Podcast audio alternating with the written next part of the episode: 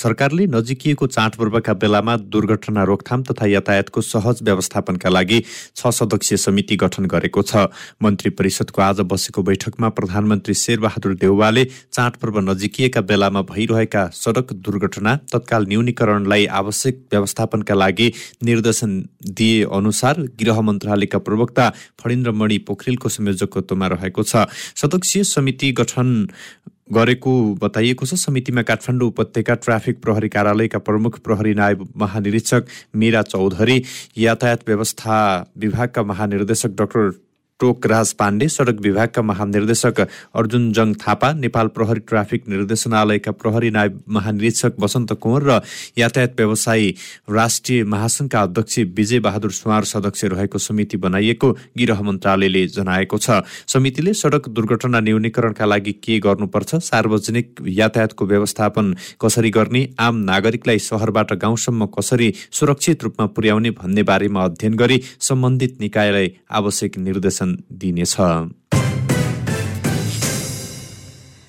निर्वाचन आयोगले यही असोज पन्ध्र गतेदेखि बीस गतेभित्र निर्वाचन अधिकृतको कार्यालय स्थापना गरिसक्न निर्देशन दिएको छ। आउँदो मङ्सिर चार गते हुने प्रतिनिधि सभा तथा प्रदेश सभा सदस्य निर्वाचनका लागि सो अवधिमा कार्यालय स्थापना गर्ने गरी आयोगले निर्णय गरेको हो। निर्वाचन अधिकृतको कार्यालय स्थापना भएपछि सो बारेमा जानकारी आयोगलाई गराउनु पर्नेछ। निर्वाचन अधिकृतले कार्यालय स्थापना गरेपछि आयोगको पूर्व सहमति बिना तोकिएको निर्वाचन क्षेत्र नछोड्न र सबै निर्वाचन अधिकृतलाई जानकारी गराउने पनि निर्णय गरेको छ। नागरिकता विधेयक प्रमाणीकरण नगरेको भन्दै राष्ट्रपति विद्यादेवी भण्डारी विरुद्ध सर्वोच्च अदालतमा दायर भएका पाँचवटा रिटको सुनवाई आइतबारका लागि सरेको छ। राष्ट्रपति भण्डारीले संघीय संसदका दुवै सदनबाट पारित भएर दोस्रो पटक शीतल निवास पुगेको नागरिकता ऐनलाई संशोधन गर्न बनेको विधेयक प्रमाणीकरण गर्न अस्वीकार गरेको भन्दै अधिवक्ता सुनिल रञ्जन सिंह सागर बराल लगायतका पाँचजनाले छुट्टा छुट्टै रिट दायर गरेको रिट दायर गरेको र रिट आज डाक्टर मनोज शर्माको इजालसमा तोकिएको थियो। भोलि सार्वजनिक विदा भएकाले सो रिटमाथिको सुनवाई आइतबारका लागि सरेको सर्वोच्च अदालतका प्रवक्ता विमल पौडेलले बताउनु भएको छ। संसदको दुवै सदनबाट पारित गरेर दोस्रो पटक प्रमाणीकरणका लागि पठाइएको नागरिकता विधेयक राष्ट्रपति भण्डारीले प्रमाणीकरण नगर्नु भएको थियो। नेकपा माओवादी केन्द्रका अध्यक्ष पुष्पकमल दाहाल प्रचण्डले संविधान खुले आम मिच्ने काम संविधानको पालक र रङ संरक्षकबाट भइरहेको बताउनु भएको छ।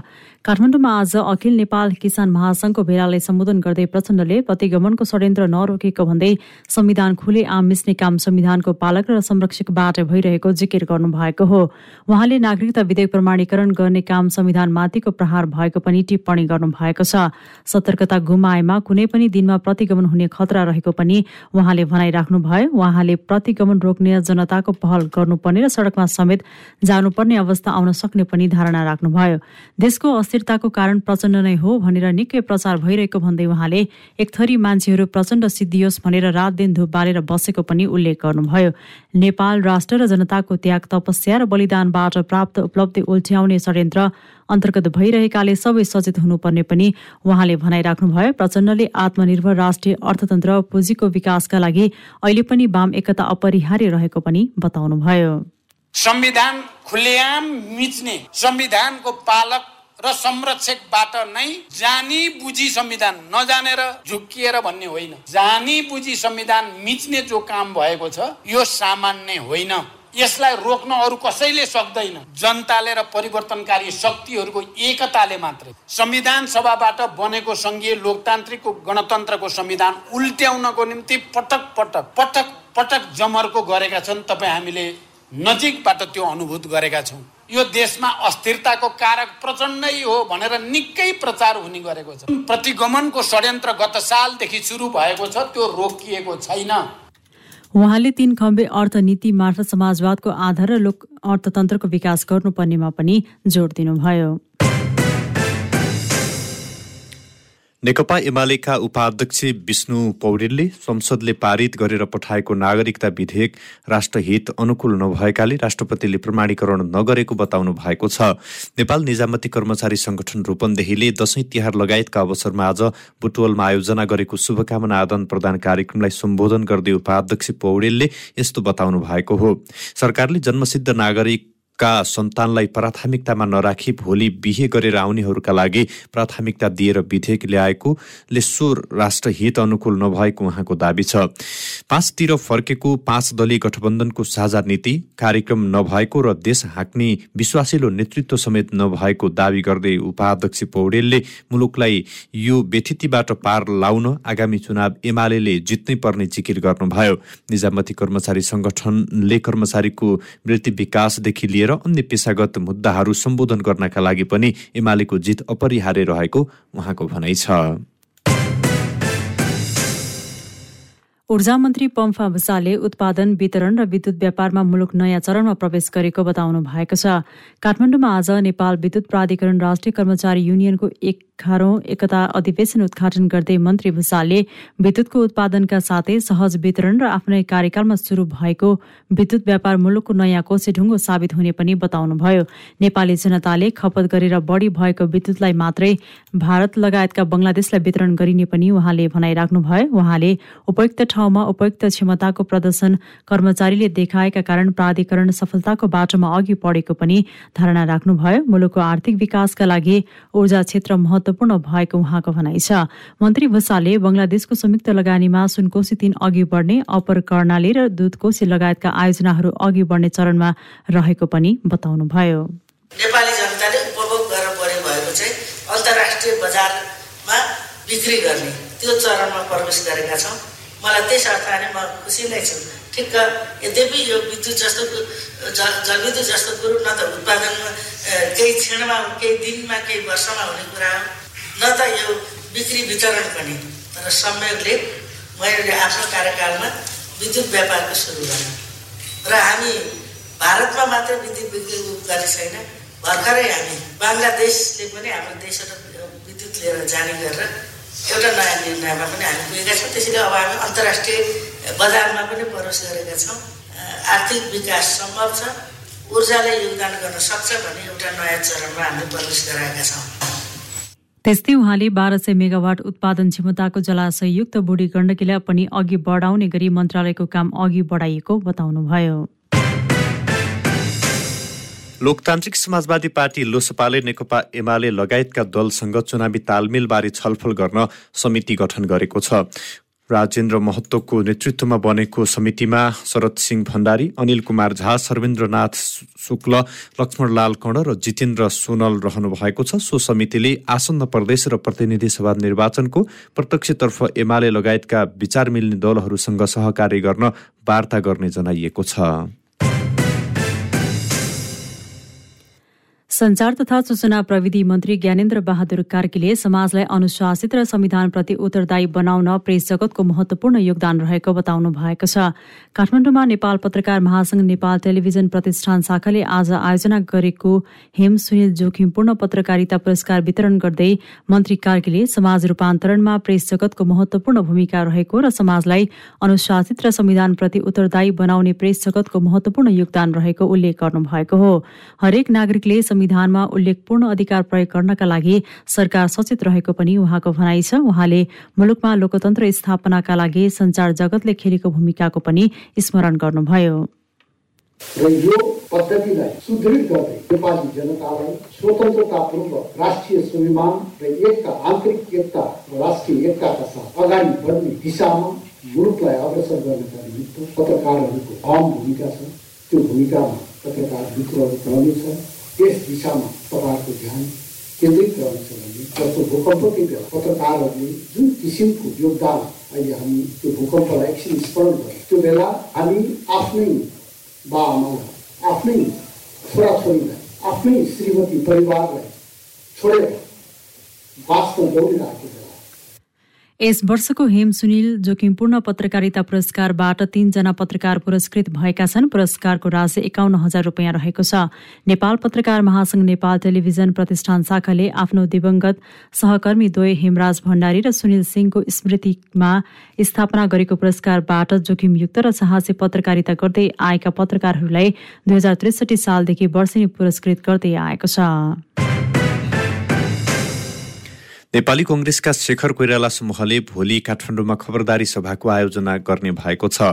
पानेश्वर प्याक्टेट भेटमा भोलि बिहान भोलि दिउँसो एक बजेलाई खबरदारी भेला आयोजना गरेको नेता जगदीश्वर नरसिंह केसीले जानकारी दिनुभएको छ। नेपाली कङ्ग्रेसमा निकट टिकट वितरणमा सभापति एवं प्रधानमन्त्री शेरबहादुर देउवाले एकलौटी गर्ने प्रयास भइरहेको भन्दै नेता कोइराला पक्षले दबाव बढाइरहेको छ।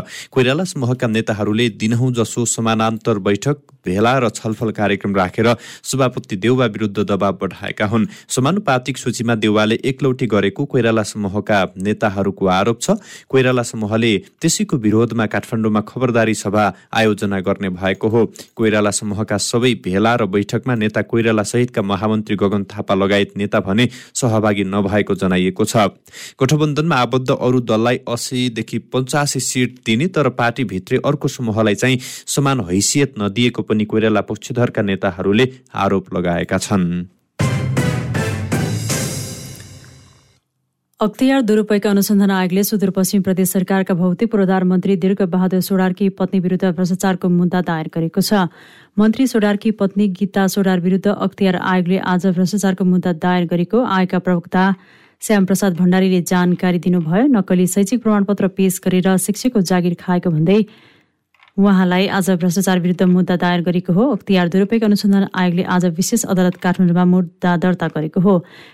गीता विरुद्ध भ्रष्टाचार निवारण ऐन दुई हजार उनासाठीको दफा सोह्रको उपदफा एक बमोजिम कैद सजाय र जरिवाना पनि माग दावी गरिएको छ। शैक्षिक योग्यता प्रमाणपत्र भारतबाट नक्कली बनाएर सरकारलाई ढाँट्ने र नोक्सान पुर्याउने काम गरेको अख्तियारले जनाएको छ। सोडारीले board of secondary education Delhi भारतबाट एउटै तहका दुईवटा माध्यमिक शिक्षा उत्तीर्ण सरहका कक्षा दसको शैक्षिक योग्यताको प्रमाणपत्रहरू नक्कली बनाएको अख्तियारले दावी गरेको छ। संस्कृति पर्यटन तथा नागरिक उड्डयन मन्त्री जीवनराम श्रेष्ठले शताब्दी पुरुष सत्यमोहन जोशीको उपचारमा कुनै पनि कमी हुन नदिने बताउनु भएको छ। जोशीलाई उहाँकी निवासमा भेट्दै मन्त्री श्रेष्ठले जोशीको स्वास्थ्य अवस्था कमजोर हुँदै गएको र उपचार आवश्यक रहेकाले उपचारमा कुनै पनि कमी हुन नदिने बताउनु भएको हो। भेटमा जोशीले चित्रकारलाई बनाउन भनेको चक्र सम्बरका लागि पनि बजेट अभाव भएको बताएपछि बागमती प्रदेशले आवश्यक बजेट विनियोजन गर्ने मन्त्री श्रेष्ठले जानकारी दिनुभयो। उहाँसँग कुराकानीको दौरानमा उहाँको अब चाहिँ नि स्वास्थ्यको लागि स्वास्थ्य लाभ गर्नलाई अलिकति रेखदेख गर्ने स्वास्थ्य कर्मीको पनि आवश्यकता भएको भन्ने कुरा उहाँले भन्नुभएको छ। उहाँको अलिकति स्वास्थ्य परीक्षण पनि गर्नुपर्ने कुराहरू उहाँले चाहिँ नि भन्नुभएको छ। ती कुराहरूमा सरकारको तर्फबाट उहाँको चाहिँ स्वास्थ्य लाभको लागि के कसो गर्नुपर्ने हो? त्यो सरकार तर्फबाट गर्नको लागि मैले चाहिँ नि समन्वय गर्ने काम तुरुन्तै गर्नेछु। आफ्नो अन्तिम इच्छा भन्दै लोक साहित्य परिषदमा पौभा चित्र राख्न जोशीले चित्रकारलाई आग्रह गर्नु भएपछि चक्रसम्बर कोर्ने काम जारी रहेको छ। त्यस्तै आज नै काठमाडौँ महानगरका प्रमुख बालेन्द्र शाहले जोशीसँग भेट गर्दै स्वास्थ्य लाभको कामना गर्नुभएको छ। सो क्रममा शाहले लोक साहित्य परिषदको अवलोकन गर्नुभएको थियो। नवलपुर जिल्ला अदालतले बलात्कारको आरोप लागेका अभिनेता पल शाह विरुद्धको मुद्दामा गरेको फैसलाको पुनः पाठ सार्वजनिक गरेको छ। आफू स्टार हुँ भन्ने एउटा वयस्क व्यक्तिले पर्दामा मात्र होइन वास्तविक दुनियाँमा पनि नायकीपन प्रस्तुत गर्नुपर्ने अदालतले फैसलाको पुनः पाठमा उल्लेख गरेको छ। यस्तै पुनः पाठमा सार्वजनिक सञ्चार माध्यमले गरेको मिडिया ट्रायलदेखि पीडितको अभिभावकको भूमिकासम्मलाई लिएर व्याख्या गरेको छ। फैसलाको पुनः पाठ आएसँगै उच्च अदालत पोखरामा यस विरुद्ध पुनरावलोकन गर्ने तयारी भएको शाहका कानुन व्यवसायी कमला मोहन वाग्ले बताउनुभयो। गत भदौ एक्काइस गति जिल्ला अदालत अदालतका न्यायाधीश यज्ञ प्रसाद आचार्यको इजालसले नाबालिकामाथि बलात्कारको मुद्दामा पललाई सफाई दिँदै बाल यौन दुर दुरुपयोगमा दोषी ठहर गर्दै साढे दुई वर्ष कैद सजाय सुनाएको थियो। यस्तै पीडित नाबालिकालाई दस लाख रुपियाँ क्षतिपूर्ति भराउन पनि आदेश दिएको थियो। वृहत नागरिक आन्दोलनले आमरण अनसनरत डाक्टर गोविन्द केसीको समर्थनमा भोलि प्रदर्शन गर्ने भएको छ। माइतीघर मण्डलामा भेला भएर भोलि मध्याह बाह्र बजे प्रदर्शन गर्न लागि वृहत नागरिक आन्दोलनले जनाएको छ। आन्दोलनले आज वक्तव्य जारी गर्दै केसीको स्वास्थ्यप्रति संवेदनशील बन्न र केसीका प्रतिनिधिसँग सार्थक वार्ता गर्न पनि सरकारसँग आग्रह गरेको छ। विगतमा भएका सम्मति कार्यान्वयन लगायतका सात माग राखेर डाक्टर केसीले बाह्र दिन अगाडि धनगढीमा अनसन सुरु गर्नु भएको थियो। अनसनका क्रममा उहाँको स्वास्थ्यमा गम्भीर समस्या देखिएपछि काठमाडौँको त्रिवे शिक्षण अस्पतालमा उहाँको उपचार भइरहेको छ। सिराहामा अवैध लागु औषध सहित प्रहरीले दुईजनालाई पक्राउ गरेको छ। सिराहा नगरपालिका छ कालीचोकबाट अवैध लागु औषध नाइट्राभेट पन्ध्र पिस स्पास्मो आठ पिस र कोरेक्स जस्तो देखिने तरल पदार्थको छ सय एमएलको एक थान डिब्बासहित दुई उदयपुर त्रिवेणी गाउँपालिका आठ बस्ने सुरेश कुमार धमाला र कटारी नगरपालिका दुई बस्ने छत्तिस वर्षीय ईश्वर खत्रीलाई आज पक्राउ गरिएको हो। इलाका प्रहरी कार्यालय माडरबाट खटिएको प्रहरीले स नौ प पाँच एक शून्य नम्बरको मोटरसाइकललाई जाँच गर्ने क्रममा सो परिमाणको लागु औषध प्रहरीले फेला पारेको छ। यस सम्बन्धमा प्रहरीले आवश्यक अनुसन्धान गरिरहेको छ। नेपालमा थप छयत्तरजनामा कोरोना संक्रमण पुष्टि भएको छ। देशभर गरिएको एक हजार आठ सय तीस पिसिआर परीक्षणका क्रममा त्रिपन्नजना र दुई हजार दुई सय उनाचालिस एन्टिजेन परीक्षणका क्रममा तेइसजनामा कोरोना संक्रमण पुष्टि भएको हो। यस्तै थप अठहत्तर संक्रमित कोरोना मुक्त भएका छन्। हाल नेपालमा एक हजार तीन सय एकहत्तर सक्रिय संक्रमित आइसोलेसनमा रहेको स्वास्थ्य मन्त्रालयले जनाएको छ। पछिल्लो चौबिस घण्टामा डेङ्गुबाट दुईजनाको मृत्यु भएको स्वास्थ्य तथा जनसङ्ख्या मन्त्रालयले जनाएको छ। यससँगै डेङ्गुबाट मृत्यु हुनेको संख्या सत्ताइस पुगेको छ। पछिल्लो चौबिस घण्टामा पन्ध्र सय भन्दा बढी डेङ्गुका बिरामी थपिएका छन्। पन्ध्र सय छयासी जना डेङ्गुका बिरामी थपिँदा कुल बिरामीको संख्या एक्काइस हजार तिन सय बाहन्न पुगेको मन्त्रालयले जनाएको छ। डेङ्गुका सबैभन्दा बढी बिरामी बागमती प्रदेशमा रहेका छन्। बागमतीमा सोह्र हजार दुई सय छत्तिसजना डेङ्गुका बिरामी छन्। कर्णाली प्रदेशमा सबैभन्दा थोरै दुई सय उन्तिसजना डेङ्गुका बिरामी रहेका छन्। अख्तियार दुरूपयोग अनुसन्धान आयोगले एकै दिनमा चौबिसजना विरुद्ध भ्रष्टाचारको मुद्दा दायर गरेको छ। विभिन्न कार्यालयमा चौबिसजना विरुद्ध आज विशेष अदालतमा भ्रष्टाचारको मुद्दा दायर गरेको अख्तियारका प्रवक्ता श्याम प्रसाद भण्डारीले जानकारी दिनुभयो। उहाँका अनुसार बाँके कोहलपुर चार रोहिणी स्थित सृजना सामुदायिक वन उपभोक्ता समूहका अध्यक्ष दशरथ शर्मा पराजुली समेत तीनजना विरुद्ध सार्वजनिक सम्पत्ति हानि नोक्सानी गरी भ्रष्टाचार गरेको सम्बन्धी आरोप पत्र दायर गरेको हो। त्यसै गरी जिल्ला सुर्खेत साबिकको घुमहरी गाविसका तत्कालीन गाविस सचिव खडक बहादुर रोकाया र देवीलाल सुनार प्राविधिक सहायक तथा उपभोक्ता समितिका अध्यक्ष समेत रहेका चारजना उप सार्वजनिक सम्पत्ति हिनामिना एवं गैर कानूनी लाभ तथा हानि पुर्याए भ्रष्टाचार गरेको सम्बन्धी आरोप पत्र दायर गरिएको छ। काठमाडौँको पुरानो बस पार्कमा मोटरसाइकलको ठक्करबाट पैदल यात्रीको मृत्यु भएको छ।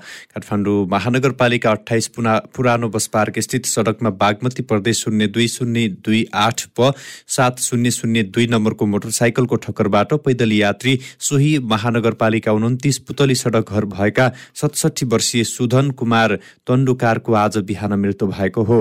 ठक्करबाट गम्भीर घाइते भएका उनको ग्रान्डी अस्पतालमा थप उपचारको क्रममा मृत्यु भएको हो। मोटर मोटरसाइकल चालकलाई प्रहरीले नियन्त्रणमा लिएको छ। यस सम्बन्धमा प्रहरीले आवश्यक अनुसन्धान गरिरहेको छ।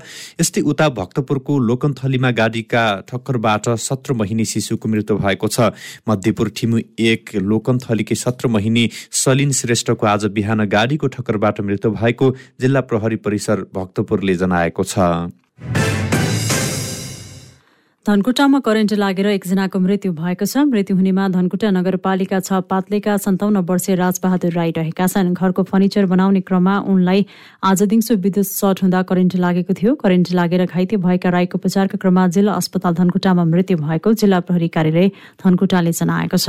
दक्षिण कोरियाले आप्रवासी कामदारहरूको पुनः एकीकरणका लागि साइबर ब्युरो स्थापना गर्न अनुदान उपलब्ध गराउने भएको छ। आयोजना कार्यान्वयन सम्बन्धी समझदारी पत्रमा अर्थ मन्त्रालयका अर्थ सचिव कृष्ण हरि पुष्कर नेपालका लागि गणतन्त्र कोरियाका राजदूत चोङ सुक पार्कले हस्ताक्षर गर्नुभएको हो। कोरियाबाट नेपाल फर्कने आप्रवासी कामदारहरूको स्थिर पुनर्एकीकरणका लागि चरणबद्ध सहयोग प्रणाली सुदृढ गर्ने र नेपाल प्रहरीको क्षमता अभिवृद्धि सहितको साइबर ब्युरो स्थापना गर्न सो अनुदान प्रयोग हुने अर्थ मन्त्रालयले जनाएको छ। दुवै आयोजनाका लागि अस्सी लाख अमेरिकी डलरको दरले कोरिया सरकारले नेपाललाई कुल एक करोड साठी लाख अमेरिकी डलर अनुदान सहायता उपलब्ध गराउनेछ। अर्थमन्त्री जनार्दन शर्माले सुदूरपश्चिम प्रदेशमा बिमाको पहुँच अभिवृद्धि गरिनुपर्ने खाँचो रहेको ल्याउनु भएको छ। बिमा समिति सुदूरपश्चिम प्रदेश कार्यालयको आज धनगढीमा शुभारम्भ गर्नुहुँदै उहाँले यहाँको बिमाको दावी भुक्तानीका कुरामा धेरै गुनासा तथा असन्तुष्टि रहेको बताउनुभयो।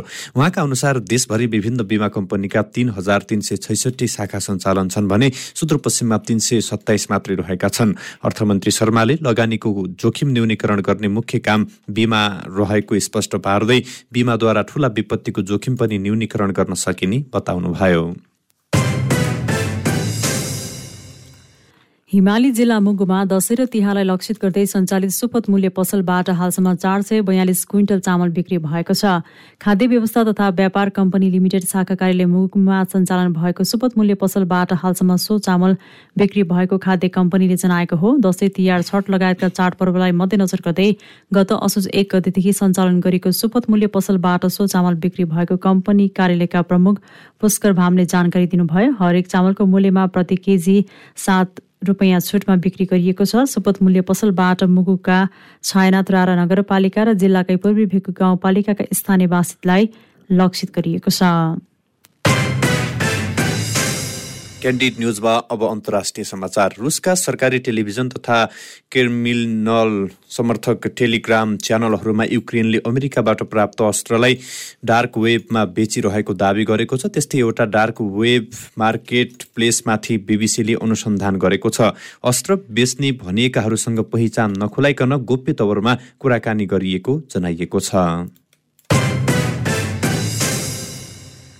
टर्कीको सिमानामा रहेको बुल्गेरियाका दुईवटा नगरपालिकाले आप्रवासी दबावका कारण आपतकालीन अवस्था घोषणा गरेको छ। हस्कोबो क्षेत्रीय प्रशासनले विज्ञप्ति जारी गर्दै स्विलेन ग्राद र टोपोलोग्रादका नगरपालिकामा अर्को बिहिबारसम्म आपतकालीन अवस्था लागू हुने जनाएको छ। बुल्गेरिया टर्की सीमामा बढ्दो आप्रवासी दबावका कारण आपतकालीन अवस्था घोषणा गरेको हास्कोप क्षेत्रका गभर्नर मिनको एन्जेलोपले बताउनु भएको छ। क्यान्डिड न्युजमा अब खेलकुदका समाचार। साबा महिला बास्केटबल च्याम्पियनसिपमा सहभागिता जनाउने नेपाली टोली मालदिप्स प्रस्थान गरेका छन्। प्रतियोगिताका लागि तेह्र खेलाडीसहित पन्ध्र सदस्यीय नेपाली टोली आज मालदिप्स प्रस्थान गरेका हुन्। नेपालले सदिना श्रेष्ठको कप्तानीमा प्रतियोगिता खेल्नेछ। प्रशिक्षकमा विकास शाही र व्यवस्थापकमा निरञ्जन सत्याल रहेका छन्। नेपालसँगको मैत्रीपूर्ण खेलका लागि बङ्गलादेशको राष्ट्रिय फुटबल टोली आज नेपाल आइपुग्ने भएको छ। अखिल नेपाल फुटबल संघ एन्फाले बङ्गलादेशको टोली आज राति सभा नौ बजे नेपाल आउने जनाएको हो। नेपाल र बङ्गलादेश बीच असोज एघार गते दशरथ रङ्गशालामा एक मैत्रीपूर्ण खेल हुनेछ।